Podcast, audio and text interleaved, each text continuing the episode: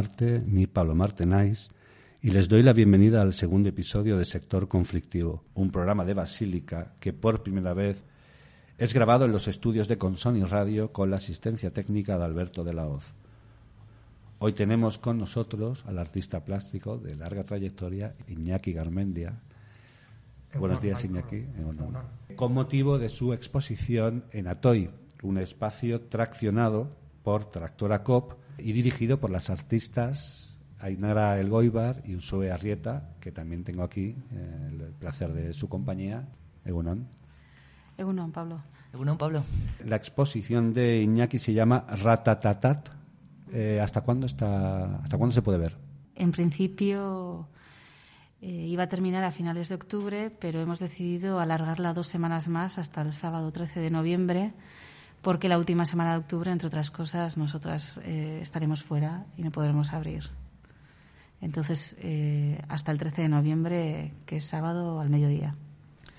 La exposición está abierta normalmente martes y jueves de 5 a 8 de la tarde al público y si cualquier persona no pudiera venir un martes o un jueves también puede escribirnos un correo o contactar con nosotros y, y organizar una cita a cualquier otra hora.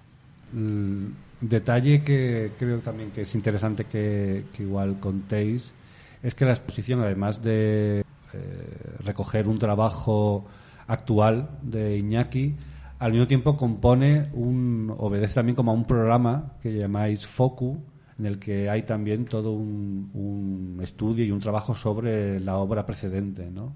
Sí, FOCU hemos llamado así a un programa que empieza con Iñaki que quiere hacer foco en artistas relevantes del contexto, creemos que infraestudiados, eh, haciendo una investigación en profundidad de su obra pasada y produciendo obra nueva. Sí, la página web se llama focu.info eh, y recoge, digamos, eh, los últimos 20 años de producción videográfica de Iñaki eh, que se pueden ver online durante el tiempo que dura la exposición, es decir, hasta el 13 de noviembre, y, que, también vienen acompañados de un texto crítico de cada una de las piezas por parte de, Leire Vergara, la comisaria, y una bibliografía razonada a cargo del historiador Miquel Oraindía, que acompañamos con un montón de material gráfico en relación a, a pues, todas las exposiciones en las que Iñaki ha, participado, o muchas, fotografías de esas exposiciones, fotografías de los catálogos, eh, apariciones en prensa. Es decir, es un recurso bastante completo donde poder indagar eh, eh, qué es lo que ha estado haciendo Iñaki en el pasado y, añadirlo a, lo nuevo que, tiene ahora en Atoy. Sí, la verdad es que la, la página de focu.info es muy valiosa. Es de las cosas que yo también creo que merecía la pena destacar porque le comentaba el otro día a Iñaki que con, el, con los artistas, eh, con los artistas locales, en el sentido de la proximidad que te da eh, conocerles y eso, no suele haber eh, la oportunidad de, de tener un, despliegue de textual y, y, de pensamiento y de reflexión y, de, y también la posibilidad de ver su trabajo como puede ocurrir con otros pues le comentaba que era más fácil saber la trayectoria de una escritora argentina de 25 años que de un artista con un trabajo consolidado, ¿no? Que, eh, que es cierto que, la visibilidad y, más que más allá de la visibilidad, que las, el estudio del trabajo de, los artistas como que se a veces se echan falta y Foco en ese sentido me parecía que era como una oportunidad. Vosotras con Atoy eh, ya que os tengo aquí, y también quería aprovechar un poco que, me, que nos hablarais del proyecto, eh, no sé, del espíritu que igual os guía a la hora de, como estáis también recién empezando. Eh, y sé que me consta de que ha sido dificultoso el, amanecer. Bueno, eh, Atoy es en origen nuestro espacio de trabajo es un poco la, eh, sede de, Tractora, donde, donde tenemos las oficinas, donde tenemos el archivo, donde tenemos un poco el eje productivo, pero además de eso tiene también espacio eh, para hacer cosas con otros. Para nosotros Atoy está significando eh, una manera de abrirnos a la colaboración con otros utilizando un espacio como medio. Eh, no tenemos una idea predefinida de lo que, de lo que es o ha de ser Ratoy, eh, simplemente estamos eh, construyéndolo en colaboración con las personas con las que estamos construyendo dinámicas de trabajo. Entonces, un poco esa línea, primera línea programática, FOCU, o esas otras líneas programáticas que han ido emergiendo eh, con Atoy se han ido creando al tiempo que establecíamos un diálogo con los artistas. Por ejemplo, ya hemos hablado de Focu, que tiene esta dimensión virtual en una página web, tiene esta dimensión física.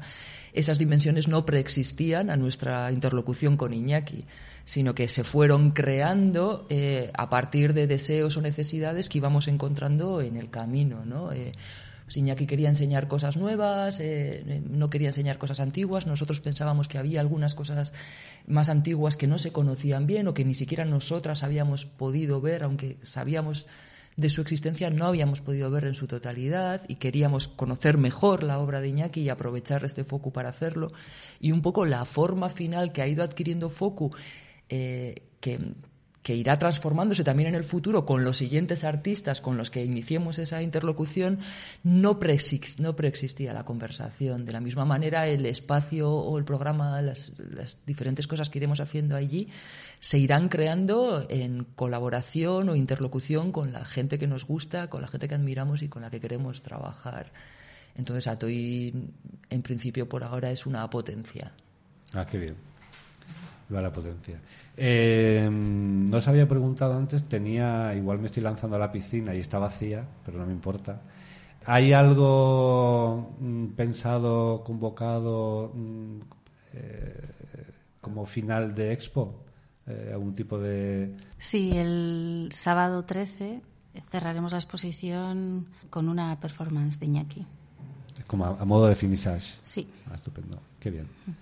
Vale, pues entonces queda la gente invitada. Eso es, sí, será por la mañana. Igual que inauguramos eh, pues un horario Bermú de 12 a 2, eh, repetiremos porque funcionó ah, súper bien. Eh, hace mucho sol en, en, en, Iparraguirre 66 a esa hora. Lo hizo el día de la inauguración. Espero que lo vuelva a hacer el 13 de noviembre, que ya es apostar más fuerte. Pero sí, en principio haremos el sábado por la mañana, pues celebraremos que, que cerramos la exposición y y para Aguirre 66 también es, es una dirección muy, muy automovilística, no muy de la ruta 66. O sea que también casi viene un poco. sí, es una calle curiosa, además. Eh, que tiene mucho movimiento últimamente, con nuevas peluquerías que están abriendo, está el mercado de la Bairu, es, eh, tiene muy, muy poco tráfico, da un poco para hablar en la calle, así que estamos contentas y creemos que, hay que celebrar acabar esta exposición porque ha ido muy bien. Qué bien, me alegro. bueno, y por otro lado también tiene esta, esta, esta relación Ruta 66, que en realidad si sigues Iparraguirre en el mapa puedes conectar algunas cosas relacionadas con el arte de, de diferente índole. Ah, muy bien. bueno, oye, pues muchísimas gracias por vuestra visita y... Mm, bueno, es que ricasco, Pablo, y mucha suerte también con Basílica. Gracias. Que vaya bien.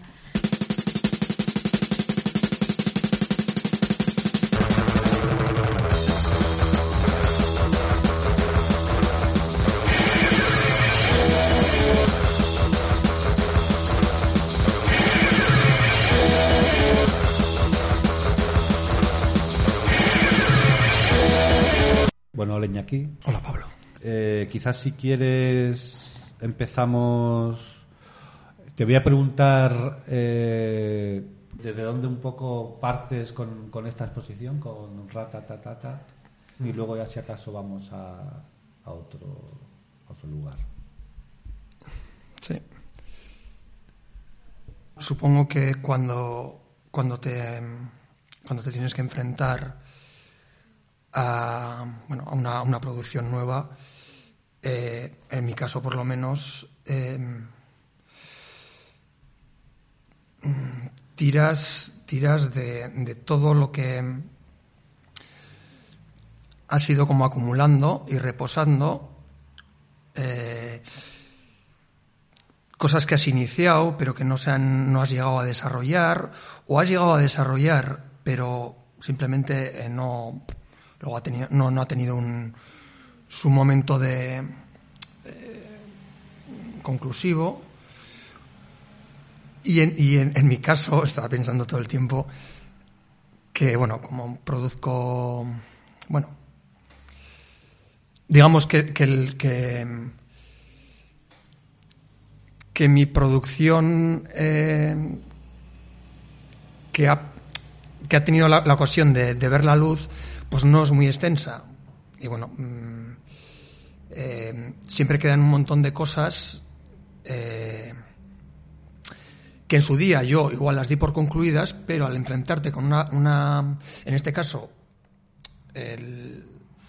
la invitación por parte de Ainara y de Usue a iniciar este proyecto que realmente eh, al principio no, no, no, hablamos ni siquiera, ni siquiera de una exposición, de un formato exposición, ni de lo contrario.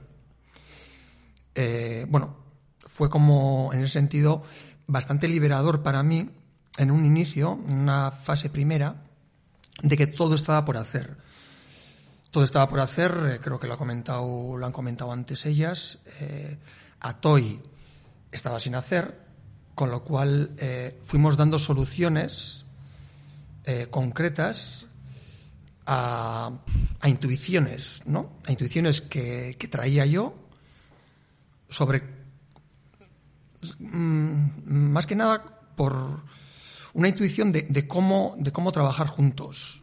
Es decir, eh, yo ya sé trabajar, sé demasiado trabajar eh, solo, digamos, eh, sin, sin, contar con ningún tipo de... Eh, de infraestructura, ni siquiera de contexto, digamos. Pero me apetecía mucho eh, como la aventura, la aventura con Ainara y con Usue de, bueno, de, de ver hacia dónde podía ir. Eh, en ese sentido, bueno, luego al final, efectivamente, se, se, optó, bueno, se optó, no, no se optó por nada. Eh, realmente yo fui trabajando eh, de manera, mmm, digamos, independientemente al proceso que llevaba de desarrollo con ellas, de un poco cuáles iban a ser los elementos con los que estaba trabajando y la posibilidad de en qué podía confluir eso, eh, sí que hablamos, lógicamente, de darle un, una, una, forma de exposición física. Eh, ahí supongo que me ayudó bastante el, eh, un proyecto, no sé, no sé cómo, ni cómo definirlo, eh, desde luego temporalmente fallido, que estaba llevando en, en eh, entonces estaba, estaba trabajando en un, bueno, en, en, una cosa eh, sin forma en Ordicia. Llevaba ya dos años, eh, bueno, haciendo visitas a localizaciones muy concretas en, eh, digamos, en todo el entorno del Goyerri. Eh, bueno, yo, yo, soy de allí, por si este dato supongo que es relevante. Bueno, es un dato importante. sí. y llevaba, en el caso, por ejemplo, que luego igual nos referiremos al, al, al vídeo de la presa, yo ya estaba trabajando, eh, bueno, bueno, estaba trabajando, sí, haciendo como mis incursiones en secreto. Cada vez que iba allí, hacía, hacía visitas a, a la presa de, de, Zaldivia, en Arcaca. Eh, bueno, tomando una serie de datos, eh, también fotografías, eh, como una posible localización para un vídeo que, que, bueno, que llevaba mucho tiempo que tenía en mente. Eh, y realmente mmm, a efectos prácticos, eso fue un poco el detonante de decir, bueno, como el proyecto de Ordicia eh, temporalmente parece que está como medio parado, mmm, las causas son de índole, vamos, eh, tiene que ver con, con, temas, eh, por un lado, eh, burocráticos y por otros, personales míos, eh, que, eso estaba como medio parado. Entonces decidí eh, a ver si podía rescatar algunas de las cosas que, bueno, tenía en mente eh, hacer para, para Ordicia, si podía rescatar y eh, redirigirlos hacia, hacia, bueno, hacia este proyecto con, con Atoy.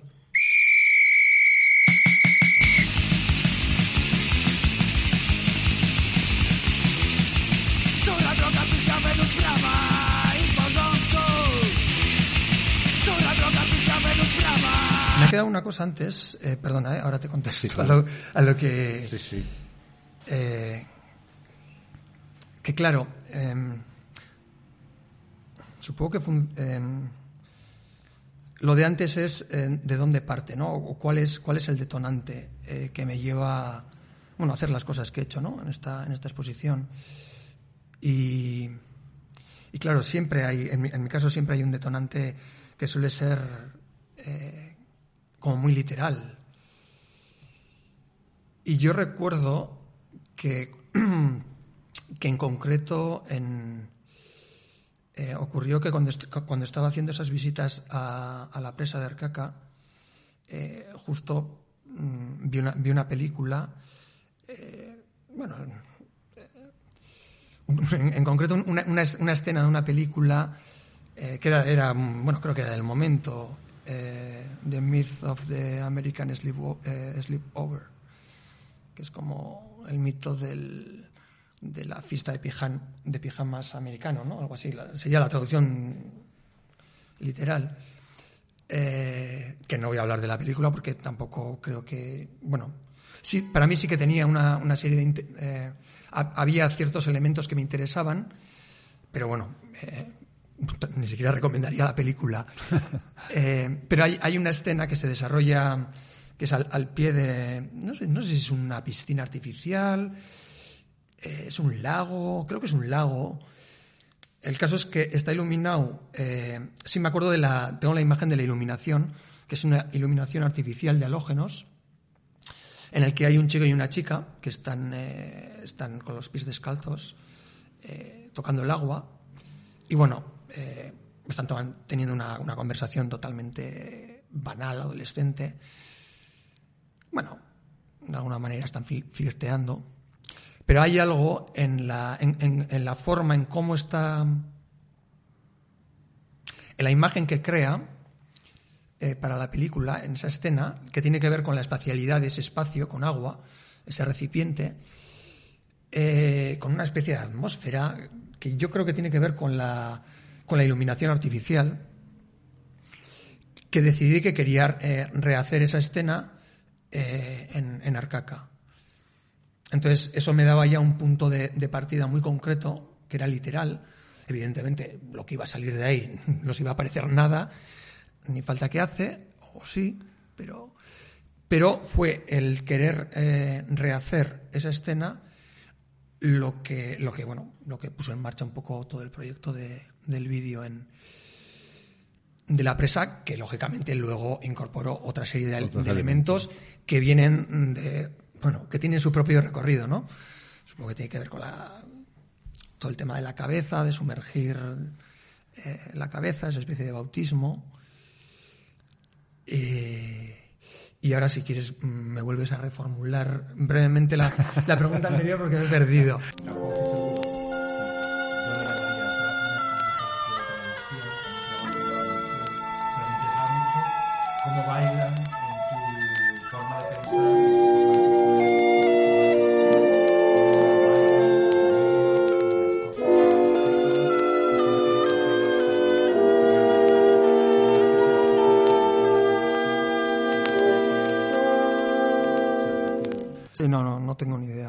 No, sé qué contestarte realmente. O sea, no es algo que tampoco hayas eh, pensado específicamente, sino de repente... No, claro que no.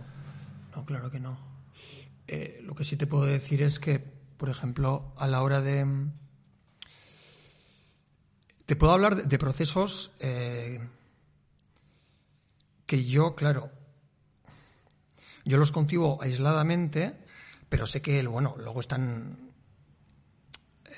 irremediablemente relacionados, aunque solo sea por el momento en el que, en el que se hacen, ¿no? O sea, yo cuando estoy trabajando en las eh, en las piezas de escayola eh, estoy trabajando también en el vídeo. Eh, no me acuerdo muy bien. bueno, sí, sí, sí me acuerdo que, el, que yo empiezo empiezo trabajando eh, haciendo esas piezas eh, de manera como experimental en el estudio, que son eh, es difícil de, bueno, de hablar de, algo sin verlo, pero bueno, son, son formas que se producen de los restos de, de, unos moldes de escayola que yo estoy desarrollando en ese momento. Son un poco los el material de descarte que van creando, van saliendo unas, unas formas que es como un poco, digamos que es como la, la rebaba cuando, cuando. El sobrante. Sí, sí. Esas piezas son piezas que se autodestruyen, son piezas muy frágiles, no tienen, no tienen una dimensión ni, ni de permanencia en el tiempo, ni siquiera una, una voluntad de ser, nada. Eh, simplemente hay una, una, gestualidad, una, especie de. Eh, sí. Eh, de gestualidad expresionista, no, no intencionada, que yo en las, cuando yo empiezo ya el desarrollo, el desarrollo en escala de esas piezas, lo que realmente lo que yo, lo que yo quiero eh, hacer es intentar crear una técnica en la que pueda reproducir ese gesto involuntario. Es, es un poco contradictorio, en, ¿no? Estamos hablando no... de algo que no, que no tiene una voluntad, una intencionalidad de que sea, eso, eso de que tenga una forma determinada y de crear una técnica para eh, que permita, como un, un, sistema que me permita a mí eh, tener cierto control sobre el resultado. Pero que el control no suponga una expresión. Eso es. Sí. Entonces, en ese sentido, eh, yo, bueno, sí que, mmm, sí que, si quieres, hay, hay cierta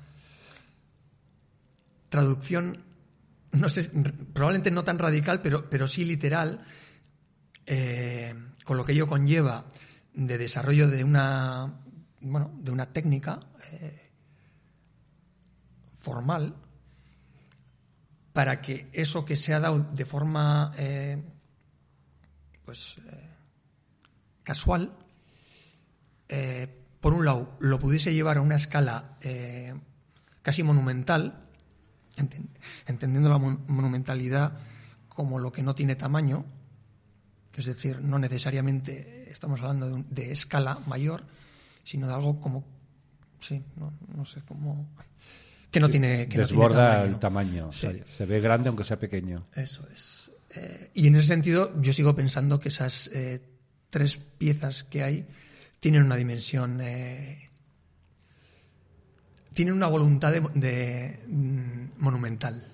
Y realmente, bueno, pues el, el, el, reto técnico para llevarlos a esa escala, que ya digo que no es porque la escala sea eh, eso, en cuanto a, dimensiones, una cosa gigantesca, pero el desarrollo de una técnica mega precisa eh, que, re, que, requiere para llevarlo a, esas, eh, ese, a ese, tamaño, a mí en todo ese proceso me hizo repensar un poco, eh, bueno, pues,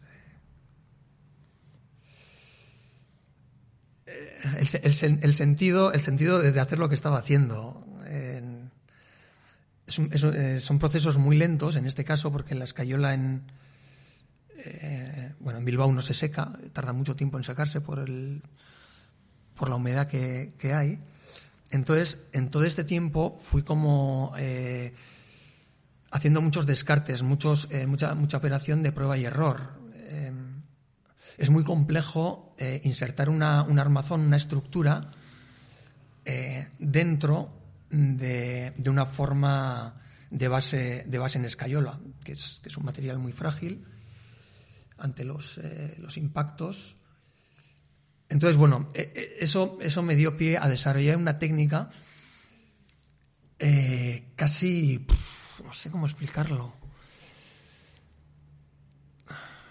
Hace una burrada, como casi como una religión dentro de la técnica, ¿no? Casi como una. Como una religión. Eh, una sí, religión no, te refieres casi como una suerte de, de, de, de religión, como, eh, en religión. En el sentido de creencia.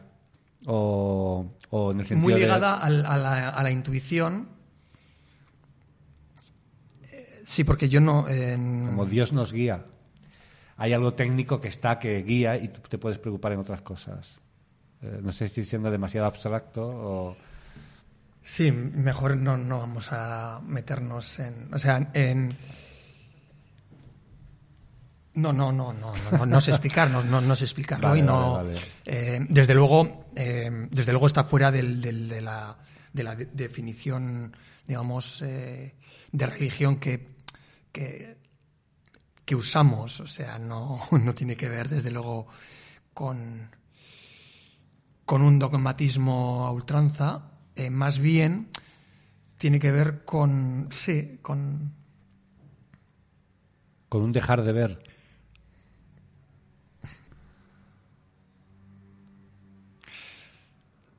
No lo sé.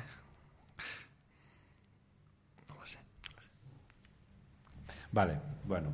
A mí de repente me había, casi por no entenderlo, me había llamado mucho la atención lo de religión, porque creo que hay, pero bueno, no, no todo se tiene que entender.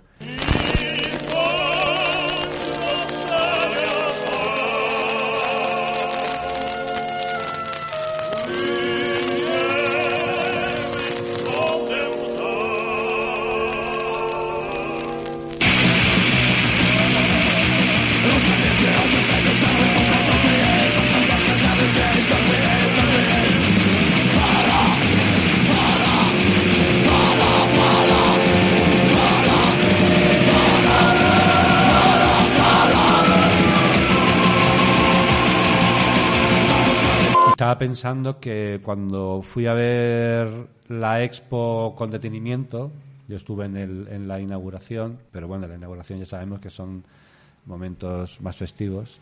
Al entrar, en la entrada, pues me detuve un tiempo viendo las piezas eh, y luego bajé al sótano, vi el vídeo y cuando subí las piezas las vi de otra manera.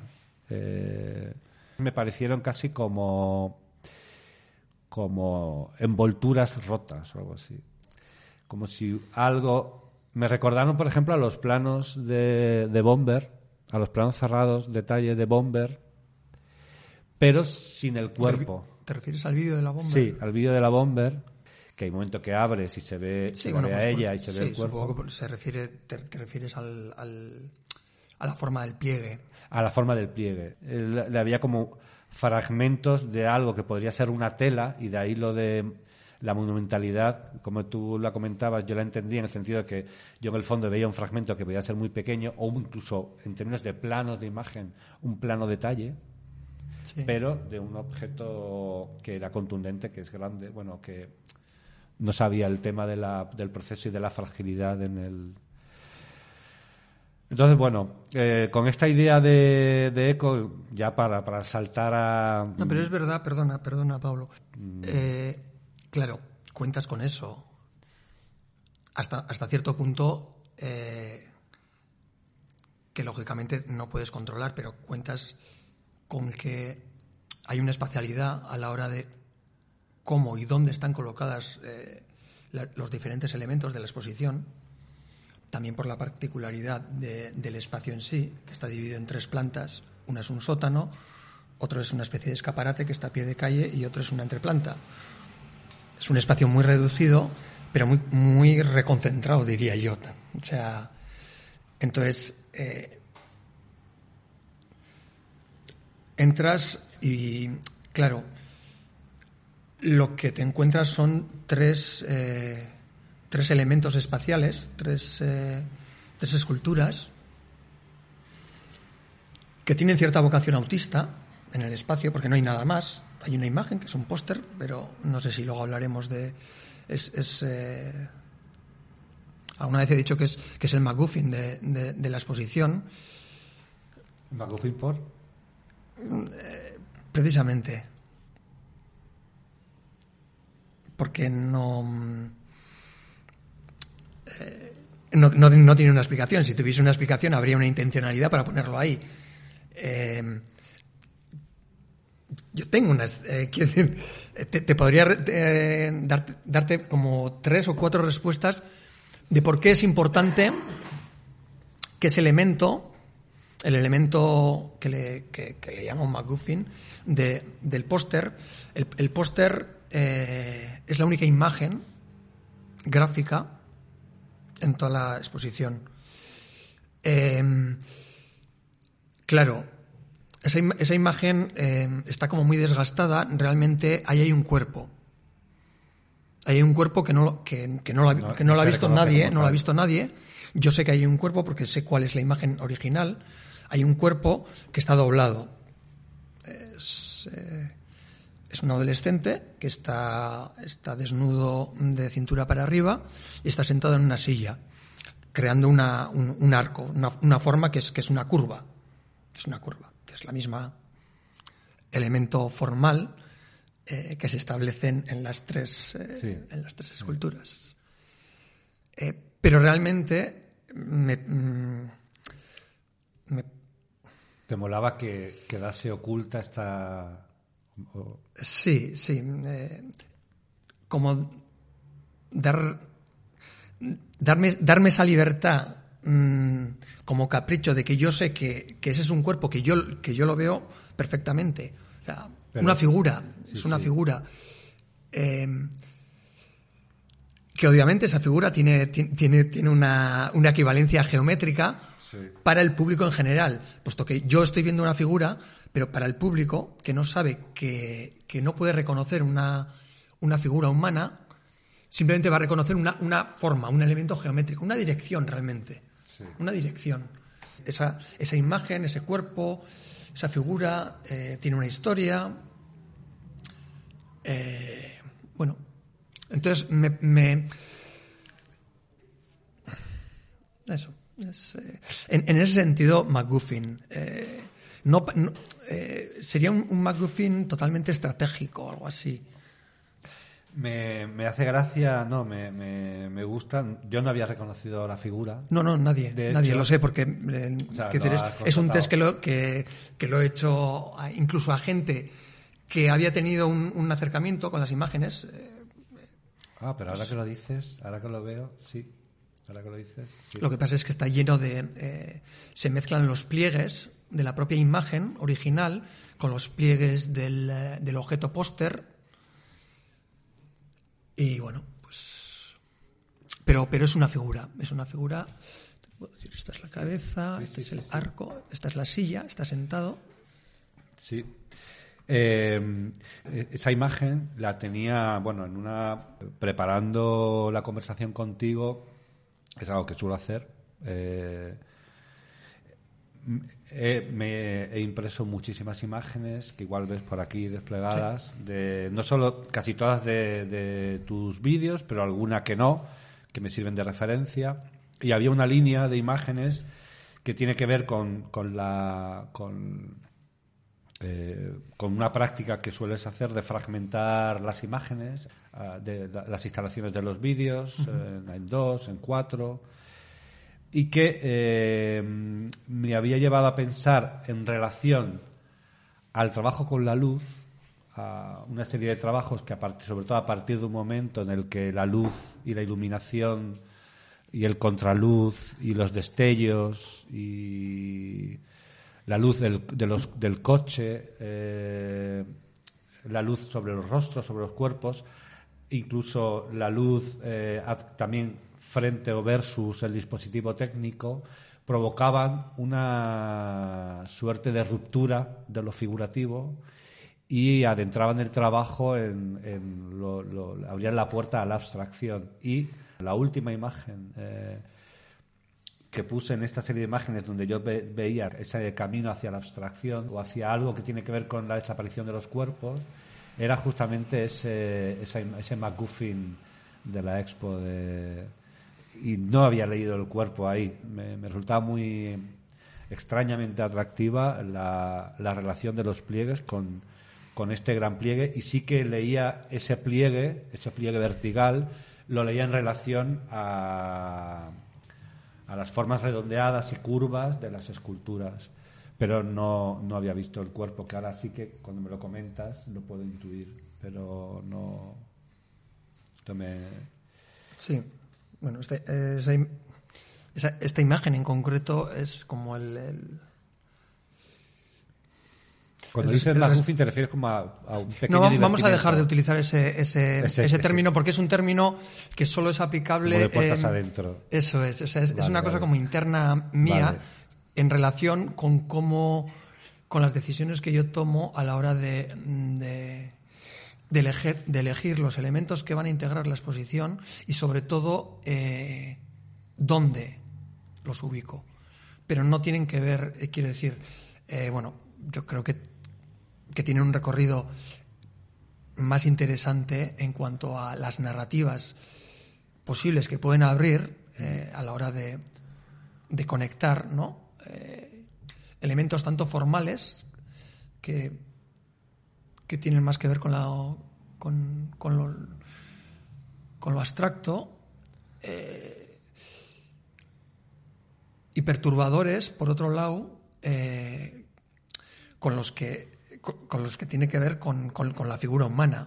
Entonces, eh, el hecho de que la figura humana solo la pueda ver yo, o que muy pocos, o, o solo cuando te desvelan, Claro, Eh, sí. ¿no? Te, dicen lo llave. que es, te, te dan la pista, Dar la pista. entonces de repente ves claramente la imagen, o sea, la, la- la figura humana. Sí. Y Es- bueno, es- pues es eso ah, en un primer momento creo que tiene algo de perturbador, pero luego de alguna manera eh, se abre como a, a eso, a- como a, a muchas fugas, ¿no? Eh, la relación que, que, que puede haber con las eh, con Sí. las esculturas y, Yo- y incluso con el vídeo con el vídeo del sótano que ahí retomando un poco lo que decías tú, claro que después de ver el vídeo y subir por esas escaleras y, y- y- encarar eh, las esculturas desde una perspectiva también visual eh, completamente diferente, Sí. que es desde abajo, o sea, desde un, digamos, un Sí, plano... y desde el otro lado porque no estás en la eh, entrada. sí, sería un contrapicado, digamos, un- Sí, con las referencias, la referencialidad cruzada que se puede, que se puede producir a la hora de, después de, de haber visto el vídeo, en el que, bueno, hay muchos elementos eh, de tipo, pues eso, con muchas fugas narrativas, digamos, ¿no? De, al llegar a las esculturas, de repente todo eso, supongo que mm, colapsa, colapsa en, en- no sé en qué, pero en, sí, como en, en nuevas imágenes, ¿no? Sí. Nuevas imágenes. Sobre ese fondo neutro, aparentemente, que es la superficie de, de, de esas formas de, de escayola,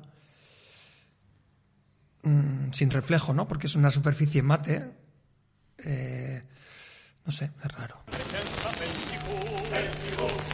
Zwycięstwa białe, orły się. Czernie morze. Había una circularidad. eh, bueno, el vídeo está en loop. Esa circularidad no es que sea narrativa, sino simplemente es técnica. Cuando acaba, empieza otra vez. Pero es cierto que tal y como está trabajado el vídeo, No, pero, pero hay, pero, hay, también- pero hay una hay una hay una intencionalidad en la, en la decisión de que eso eh, se, forma- conecte, la- se, en- se conecte, se enlace en forma en forma de, de bucle. Sí. Es de hecho mm, el montaje el montaje de ese de ese vídeo eh, se hizo teniendo todo el tiempo en mente que eso iba a ser un, un- un bucle, es decir, que no, no iba a tener un principio y un final. Con lo cual ahí fantaseamos bastante, nos permitió fantasear bastante en darle eh, diferentes direccionalidades eh, narrativas, digamos, porque luego sabíamos que eso, eh, al darle esa forma circular, todo eso iba, iba a estallar por, por, por, por todas partes. O sea, o sea las, las, ¿no? las, las fugas posibles de, de las diferentes ¿no? Hilos narrativos que se pudiesen dar ahí eran, eran innumerables. Entonces, bueno, eso sin eh, otra vez, eh, sin poder controlarlas, pero sabiendo que eh, aplicando cierta forma activabas un sistema de alguna manera, o un, un sistema, sistema, sí, un sistema abierto en cuanto a, a- la percepción y la temporal y narrativa del vídeo, Sí, no lo sé. Todo el tiempo estoy, no sé, estoy aludiendo a esa forma como de, de, crear técnica para, para llegar a cierto control de algo sabiendo que, que realmente eh, supongo que lo, lo- lo interesante es, es, eh, es cuando se, se produce esa pérdida de control, ¿no? Pero incluso eso también se puede Se puede establecer un control para provocar la pérdida se del puede, control. se puede. Es, es- es un proceso muy complejo, pero Yo retomando Pero muy chulo. eh, algo que, que lo que he pensado cuando me contabas del vídeo y de las fugas y de lo que estalla, voy a leer un pequeño, nada, es un, un, fra- un pequeño párrafo de Miren Hayo de- del texto que hizo sobre Goyer y Competti. en- por aquí tengo apuntado el sobre cuadrillas, coches y carretera. Y dice en un momento dado, en este mundo pequeño y asfixiante, donde hasta las curvas tienen historia, los elementos del paisaje, con el chindoki de fondo, están llenos de ecos.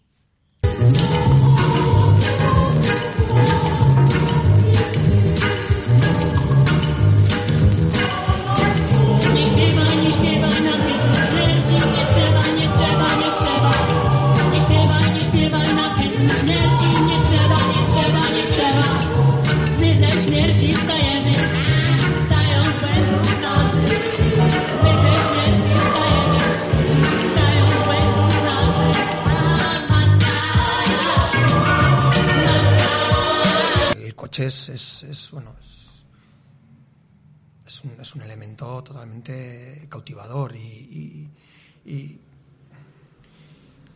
mm, quiero decir, no, me, no me interesa el mundo del motor, si No, por, ya, ya. por- por aclarar este, este, este tema. em, claro, muchas veces em, estoy pensando ahora con- cuando hicimos eh, Goyer y Competti, que precisamente eh, va de unos tíos que, que, que están flipados con, con el mundo del motor y de las, eh, de las carreras, no del tuning, no, no tiene que ver con, con la estética de la, del coche, sino realmente de la, de la acción, del verbo del coche, que tiene que ver con la velocidad y con... y- eh, el hecho de que tanto, o sea, ni, ni Asier ni yo, no solo no nos interesase, no tuviésemos ninguna, eh, curiosidad especial por el mundo del motor, sino que casi, o sea, nos era totalmente indiferente.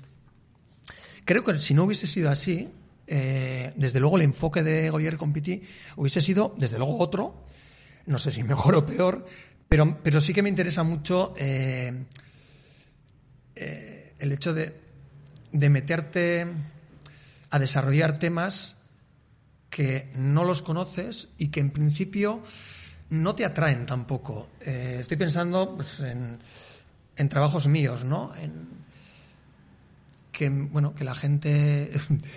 Yo cada vez que, que alguien me pregunta sobre trabajos, muchos trabajos concretos, eh, que bueno, que tienen alguna relación eh, con la música, todos dan por supuesto que yo, evidentemente, pues, eh, he pertenecido a algún, he tenido algún grupo, he tocado, o sea, que tengo una relación directa con, eh, con lo musical.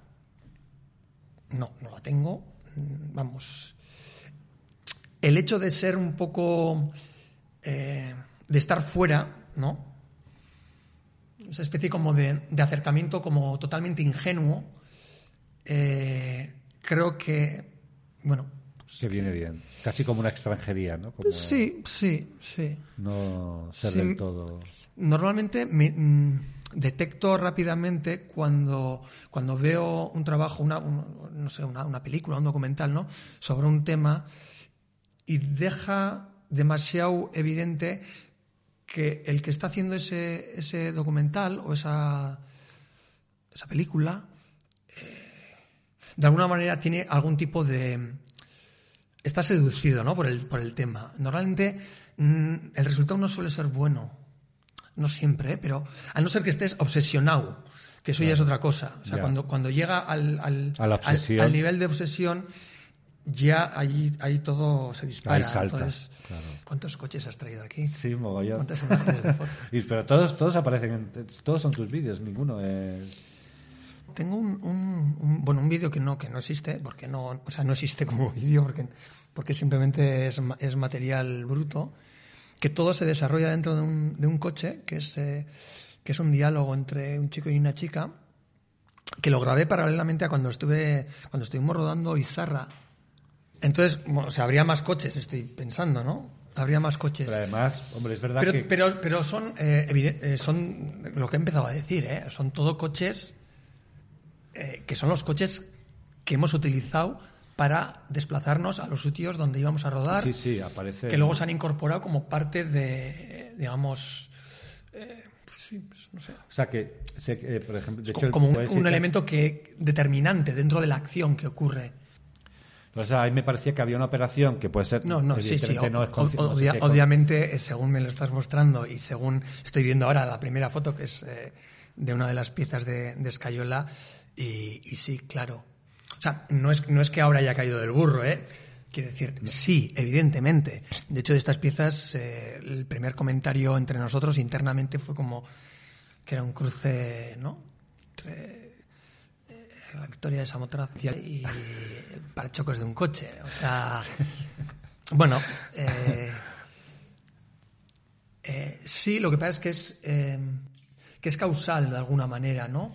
Eh, no hay, otra vez, o sea, no, no, mi intención no es que saliesen estas formas que, cuya referencialidad esté en la superficie eh, curva mm, de ciertas partes del, ¿no? de un vehículo, pero claro que está. Y si está, pues bueno, pues supongo que habrá que prestarle atención. Sí.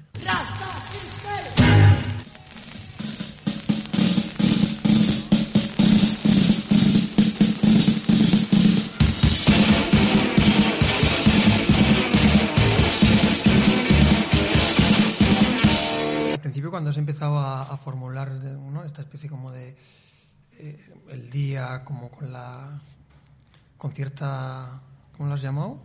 serenidad Sí. ¿no? el, tra- el tratamiento de- del día Sí, o, del- con o respecto de a la, la... noche No era tanto el día a la noche, sino eran más los espacios exteriores sí bueno sí, eso es los, los de los interiores. los exteriores, Los exteriores exterior día o exterior noche Los vídeos que tienen no hay interior día ¿no?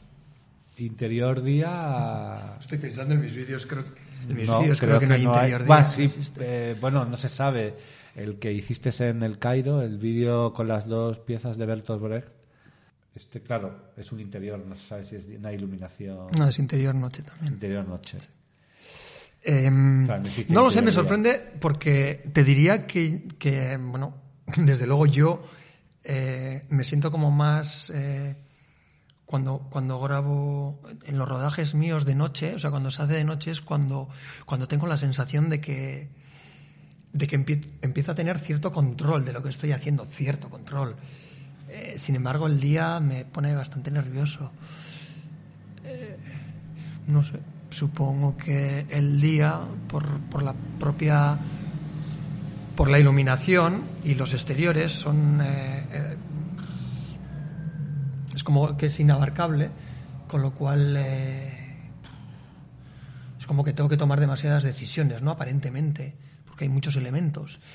Y la noche lo que te hace es te reduce, te simplifica, en principio, eh, mucho, ¿no? Los elementos. Pero ¿y eso las- tendría que ver entonces con, con las distancias, en el sentido que el día te permite ver más y entonces ves, ves el paisaje, ves eh, el entorno, el entorno es un entorno eh, Sí, más o menos conocido. conocido, entonces que de repente hay esos ecos de los que habla Miren, eh, que pueden ser ecos fílmicos, pero también pueden ser ecos biográficos. Me refiero sobre todo como al, al que al que es el último plano del vídeo. La panorámica de la, la de la presa con panorámica, ellos dos y la es. cabeza detrás. O sea, no hablo de lo que inspira, que a uno le puede inspirar serenidad y a otro le puede inspirar melancolía, yo qué sé.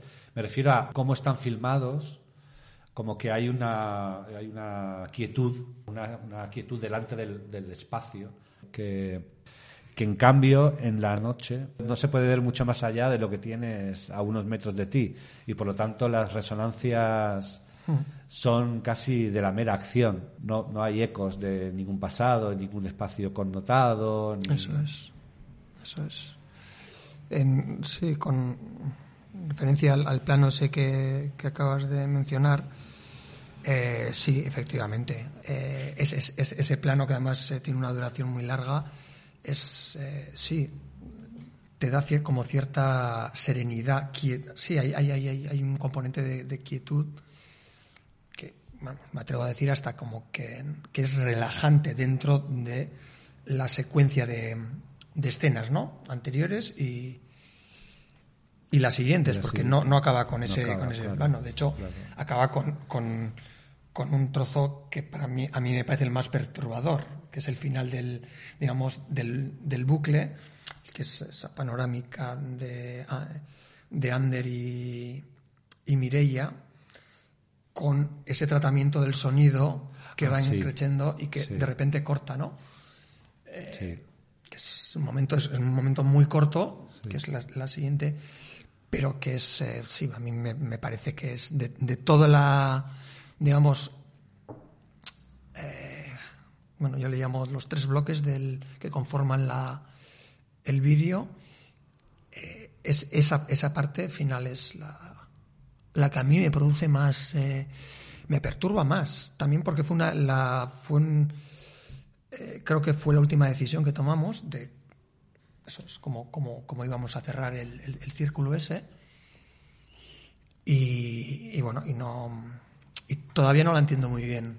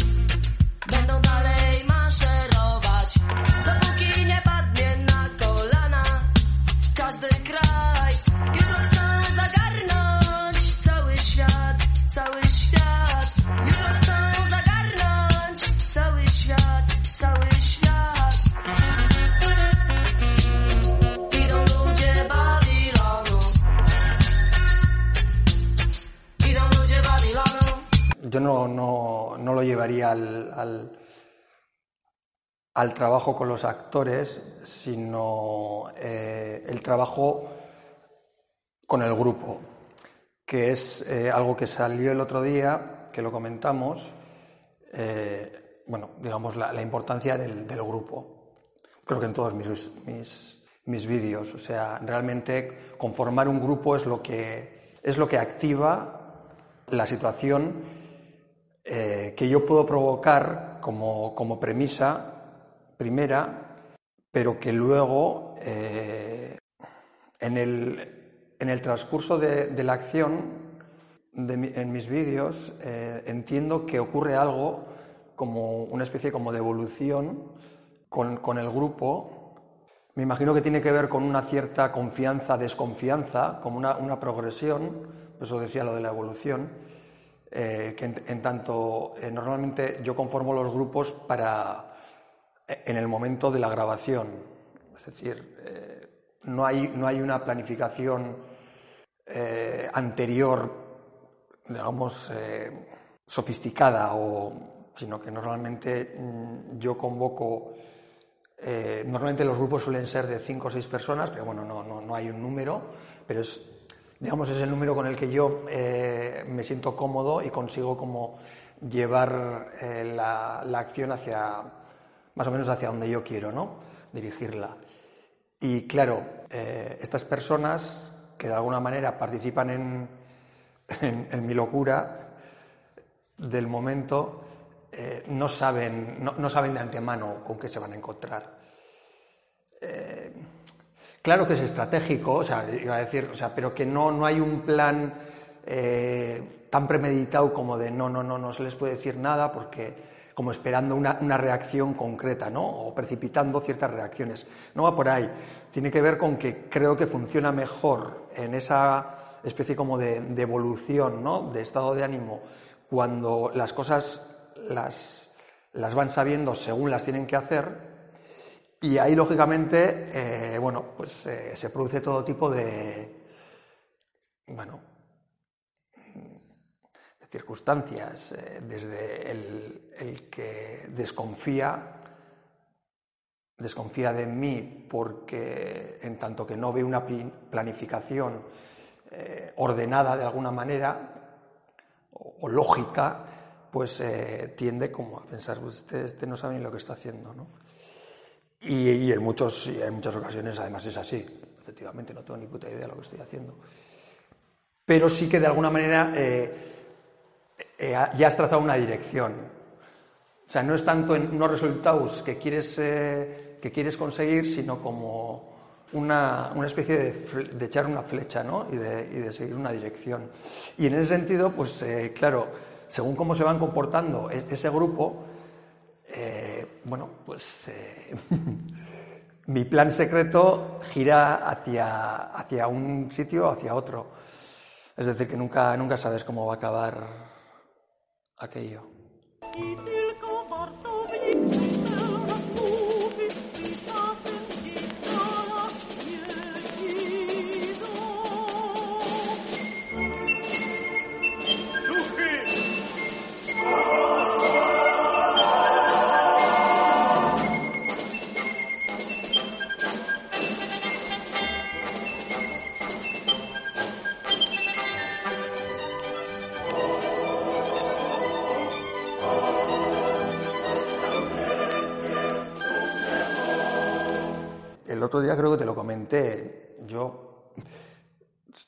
Al cabo ya de, bueno, pues de, tiempo, ¿no? Trabajando, eh, metiéndome en estas historias de, que monto para grabar mis vídeos, me doy cuenta que, que creo que es una reacción a mi, a mi forma, a mi forma de estar y de,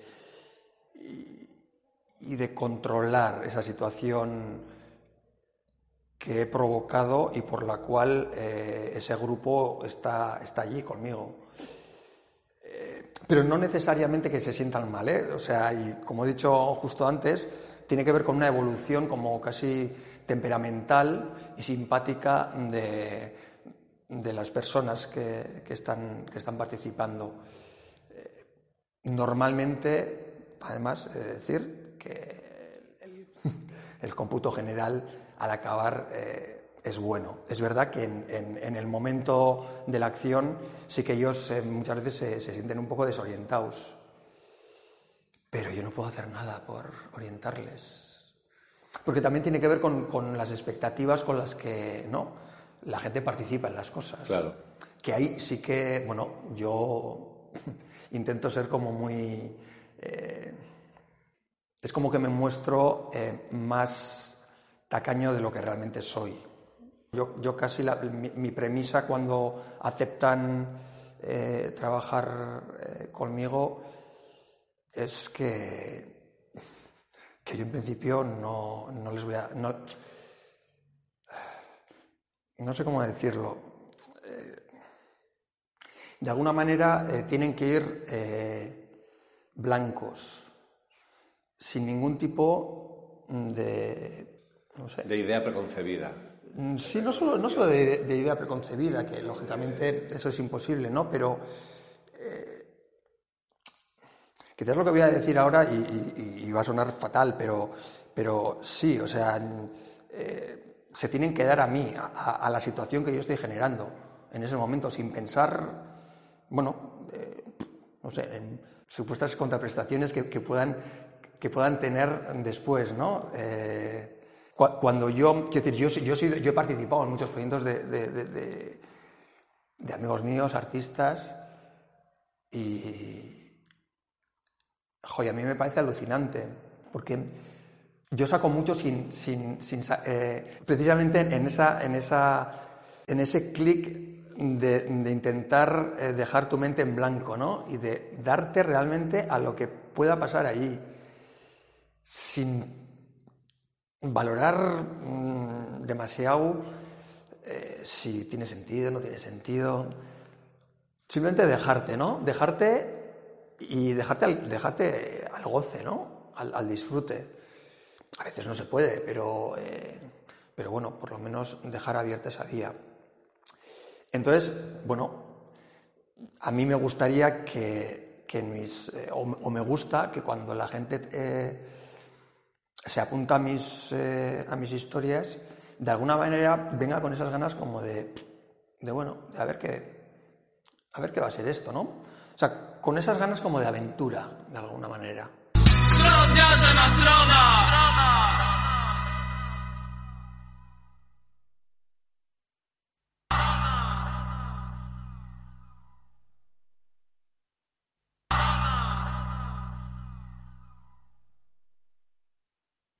Pero realmente, Pablo, ¿no crees que... igual lo voy a llevar ahora como muy al límite, pero realmente el tratamiento de esos vídeos respecto al objeto, es- esos pers- personas, personajes, eh, performers de mis otros vídeos, eh, eh, mi tratamiento también es desde el objeto, creo yo, ¿no? Sí, ya, ya. O sea, que no hay tanta diferencia en el sentido de lo que acaban haciendo. claro, lo que pasa es que ¿Dónde pones tú la mirada, a lo mejor? De- decir que cuando trabajas con, con personas, eh, tu tratamiento hacia ellos es igual que el, el que llevas con los objetos, no sé, parece que es decir algo como que son personas. No, pero bueno, es así. O sea, Sí, pero. mi el- trato con los objetos es. eh, o sea, le podría dar la vuelta, ¿no? Eh, lo- los trato casi como sujetos. Entonces, eh, como que se da ahí una, in- una inversión, ¿no? O sea, realmente esos vídeos como de laboratorio, ¿no? Que podríamos eh, definir, ¿no? Porque soy yo solo con los objetos tiene que ver con- con- con la necesidad de generarme a mí mismo como unas, unas situaciones como, como extremadamente íntimas eh, con esos objetos y esos objetos pueden ser animados o inanimados. Eh, no es lo mismo, evidentemente, porque, porque las estrategias que, que tienes que utilizar no son las mismas, pero se parecen bastante. Se parecen bastante en- en mi caso.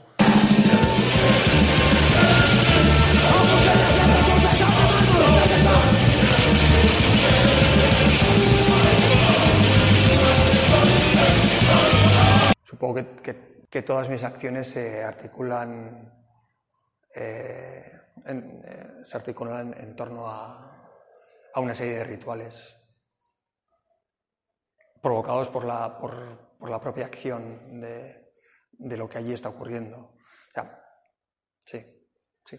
Y de ahí probablemente esa circularidad, ¿no? Eh, la circularidad es lo que convierte una acción más o menos mm, banal o, no consciente en, en su propio ritual. ¿Y eso para qué me sirve? Pues me sirve para que, eh, bueno, pues, pues para que la acción eh, se dé. Eh,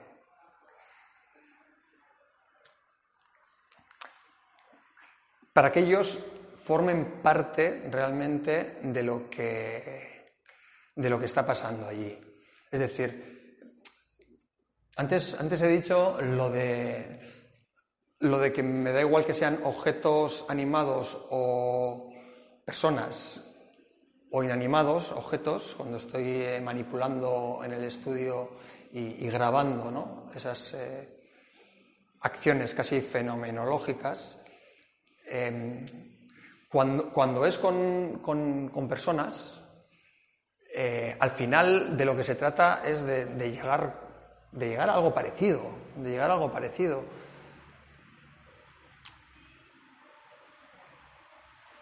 A repetir una y otra vez lo mismo,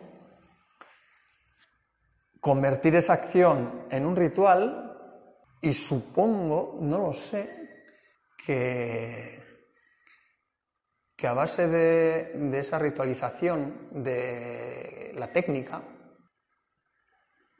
Aquí está el matiz igual necesario a una cosa que dije en la primera parte de la entrevista, que lo dejé ahí en suspenso porque realmente no, no sabía cómo explicar cuando hablé del, del carácter religioso eh, referido a la técnica.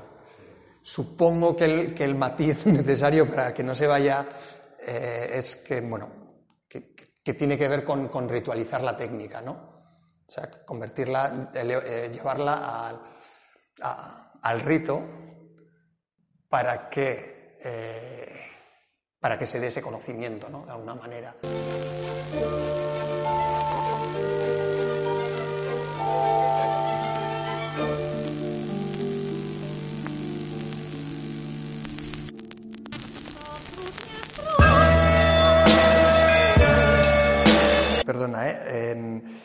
No, es una, no es una elipsis querida, es encontrada de alguna manera. es decir, que si utilizamos el término, bueno, lo he utilizado yo, de como esa tendencia a, a eludir más que aludir, eh, que no es, eh, no es estratégica, eh, sino que, bueno, supongo... No lo sé. Es que de ahí podríamos, podríamos ir de la elipsis, ya que estamos eh, haciendo todo el recorrido de, de, de recursos estilísticos, a la, a la metonimia. Nunca metáfora. De, una parte vale por de, de, una parte no ni siquiera claro ahí, ahí se, se, rompería la, el, esa, esa, especie de no la parte por el todo.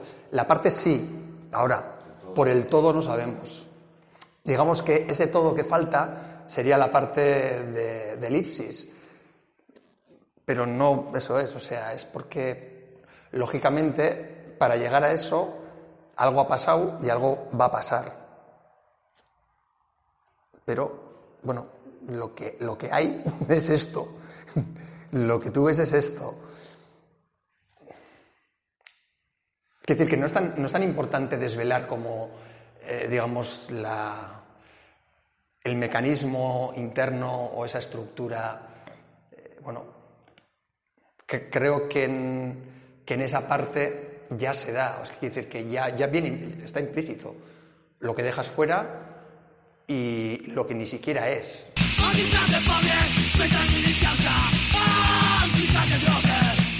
Con respecto a lo que decías al principio del enigma, el enigma mmm, es lo contrario a algo que se busca, ¿no? Sino que el enigma, el enigma siempre está, siempre está. Y en cuanto a cómo se muestra, lo que no se puede mostrar, pues, eh, pues otra vez, pues tiene que ver con la idiosincrasia de él. Del aquí y ahora. Eh, la cabeza en el vídeo de la presa. Sí, sí, bueno, pues, eh, bueno tiene, tiene, tiene un recorrido esa cabeza. Eh, lo que pasa es que, bueno, no sé, no sé qué quieres que te eh, es importante y no es importante. Realmente, en, si, si, por ejemplo, tomamos lo que no se sabe de esa cabeza como, como una parte ¿no? de ese enigma, eh, en, en, lo que atañe a lo discursivo, digamos, no tiene mucho sentido desvelarlo ahora. Bueno, eh, simplemente la presencia de ese, de ese semblante que está materializado de manera muy,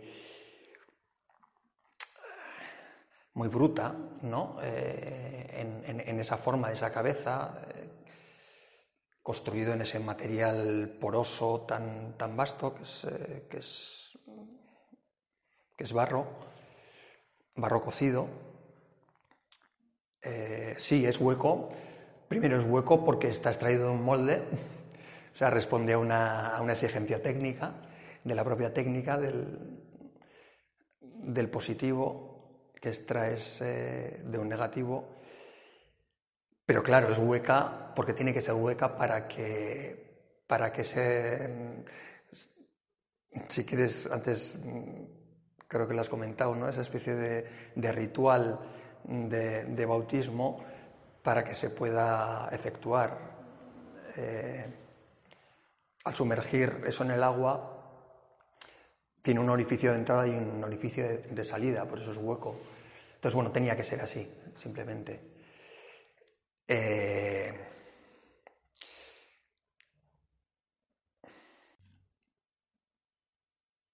eso.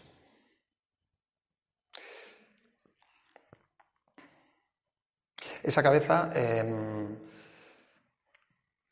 representa el, es el, semblante de alguien.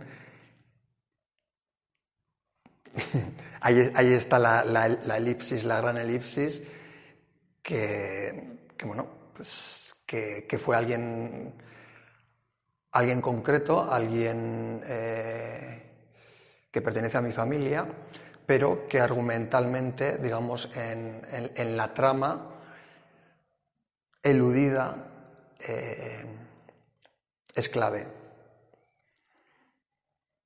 Es clave.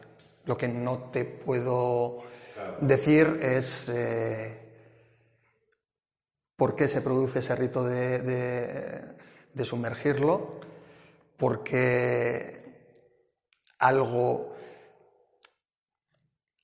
que realmente en- debía de sumergirse y no, no volver a, a salir nunca, porque el- bueno, el, plan inicial para esa cabeza era sumergirlo en mitad de la presa y, dejarlo allí. ¿Por qué eh, esa acción como conclusiva eh, deviene en, solo una especie como de, de toque en la cabeza, ¿no? O sea, como de, de bautismo rápido. Eh, bueno, ese es el. Realmente es, es la, es la parte más, más cómica de todo el vídeo, ¿no? ¿Y, ¿Y por qué ocurre así? Porque ocurre. Fue una decisión tomada. No, claro que no fue una decisión tomada. Eh, Fue, un- sí, decisión- fue una decisión tomada en el momento. En el momento, la- porque hubo una serie de, de, eh, de circunstancias eh, eh, en el momento en el que se tenía que, que producir esa, esa inmersión, como, como de dejarla, sumergirla hasta el fondo de. hasta el fondo abisal del, Del del- pantano. del pantano, de la presa, pues eh, ocurrió que, que, bueno, que, que- que hice mal los cálculos a la hora de, del, nivel del- de la presa en esa época del año y resultó que estaba muy baja, con lo cual, em, por un lado, la operación que implicaba el estar el nivel de la- del agua tan bajo eh, requería mucho tiempo, mucha preparación, porque la infraestructura la, tenía, la teníamos, eh, habíamos llevado una serie de hinchables, eh, bueno, mm, la cabeza iba con una especie de flotadores para eh, sumergirlo y luego hacerlo emerger y luego volverlo a, a sumergir ya definitivamente. Todo eso no, no se pudo dar pues porque, bueno, pues porque teníamos un tiempo muy limitado, que te lo comenté el otro día, eh, solo teníamos cuatro horas eh, porque teníamos que estar a las 10 de la noche de vuelta en Bilbao, hay 110 kilómetros entre Bilbao y, y la presa de Zaldivia, y eh, en noviembre estaba en plena vigencia el, el toque, el toque de queda. Por lo tanto, eh, bueno, tuve que abortar el, el plan de, de- de llevarlo, de llevar la cabeza en, en una de las embarcaciones hasta, la, hasta, el, hasta el centro de la, presa y, de la presa y hacerlo desaparecer ahí. Esa es la, Y cuando las cosas. esa es la verdad. del- Y, eh, y cuando las cosas suceden del modo que suceden y uno se ve obligado a tomar unas decisiones, Lo que pasa es que, eh, al, al margen de cuál sea el plan, eh, como ya he dicho antes, que, que, bueno, que, que todo plan, sí, que, que visto ahora, eh, de alguna manera no, no iba. No hay, no hay una- un cambio cualitativo en cuanto al resultado de, en el vídeo entre, entre lo que pasó realmente y lo que yo hubiese querido que pasase. En tanto que eh, lo que sí eh, está muy presente, para mí es, eh, vamos, está totalmente en, en- en- la imagen, en, en mi imagen, en el vídeo, eh, ese, ese momento como de enfado y de frustración por no poder hacer lo que, lo que yo quería hacer. O sea, ahí yo cuando, cuando, cuando me veo sí que eh, realmente, eh, vamos, noto toda esa frustración y esa especie como de que, que, que se va como cargando de tensión toda esa toda esa acción ¿no? de, manipulación de la cabeza para llevarlo al borde de la, eh, de la presa. Eh, bueno, sí, todo eso está. Claro, no lo sé. Quiero decir, para mí, de alguna manera, eh, ese argumento, que es casi como, como psicológico, ¿no? O sea, como de, de tensiones que se van sosteniendo ahí. mm,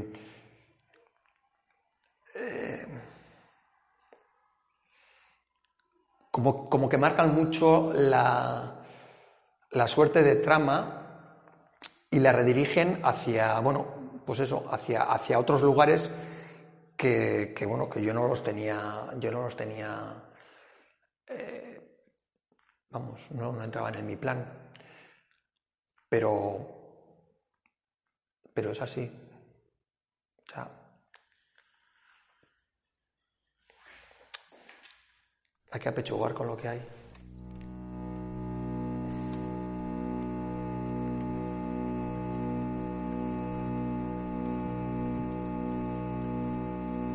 Judizio generalaz nola horik ez dira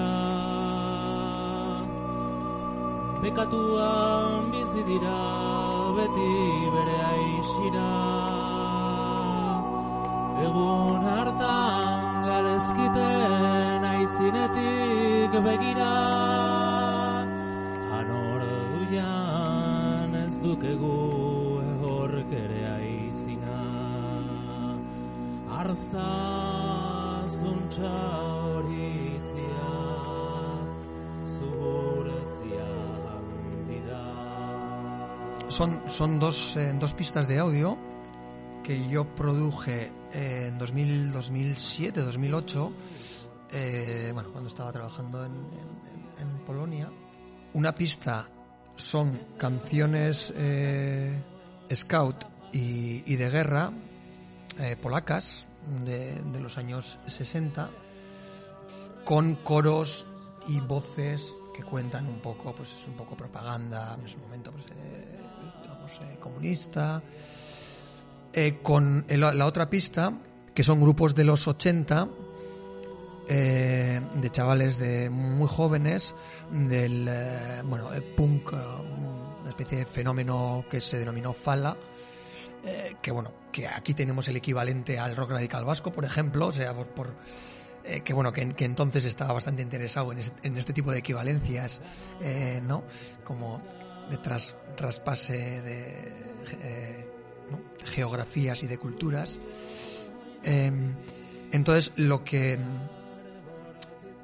lo que lo que se pretendía era mezclar las dos pistas eh, con estas canciones de, de eh, Scout y, y el, el eh, ska de estos grupos de los 80, creando una especie como de cacofonía. Lo que, lo que se va a escuchar es el material de partida. Eh, yo hice un trabajo posterior de eh, de aislar los elementos, eh, los tropos musicales de cada una de las, bueno, de una, sele- una selección de canciones que yo hice y bueno, también llevarlas a una secuenciación, ¿no? De, repetición.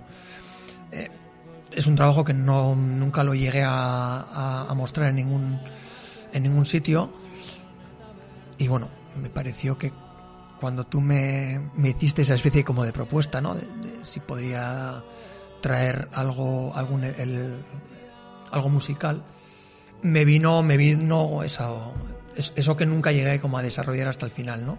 Entonces son como fragmentos, ¿no? De diferentes momentos del, tra- del trabajo ese que, bueno, pues que está inconcluso, pero bueno, no sé. Muchas gracias, Iñaki, por la conversación. Muchas gracias, Pablo. Es que recasco.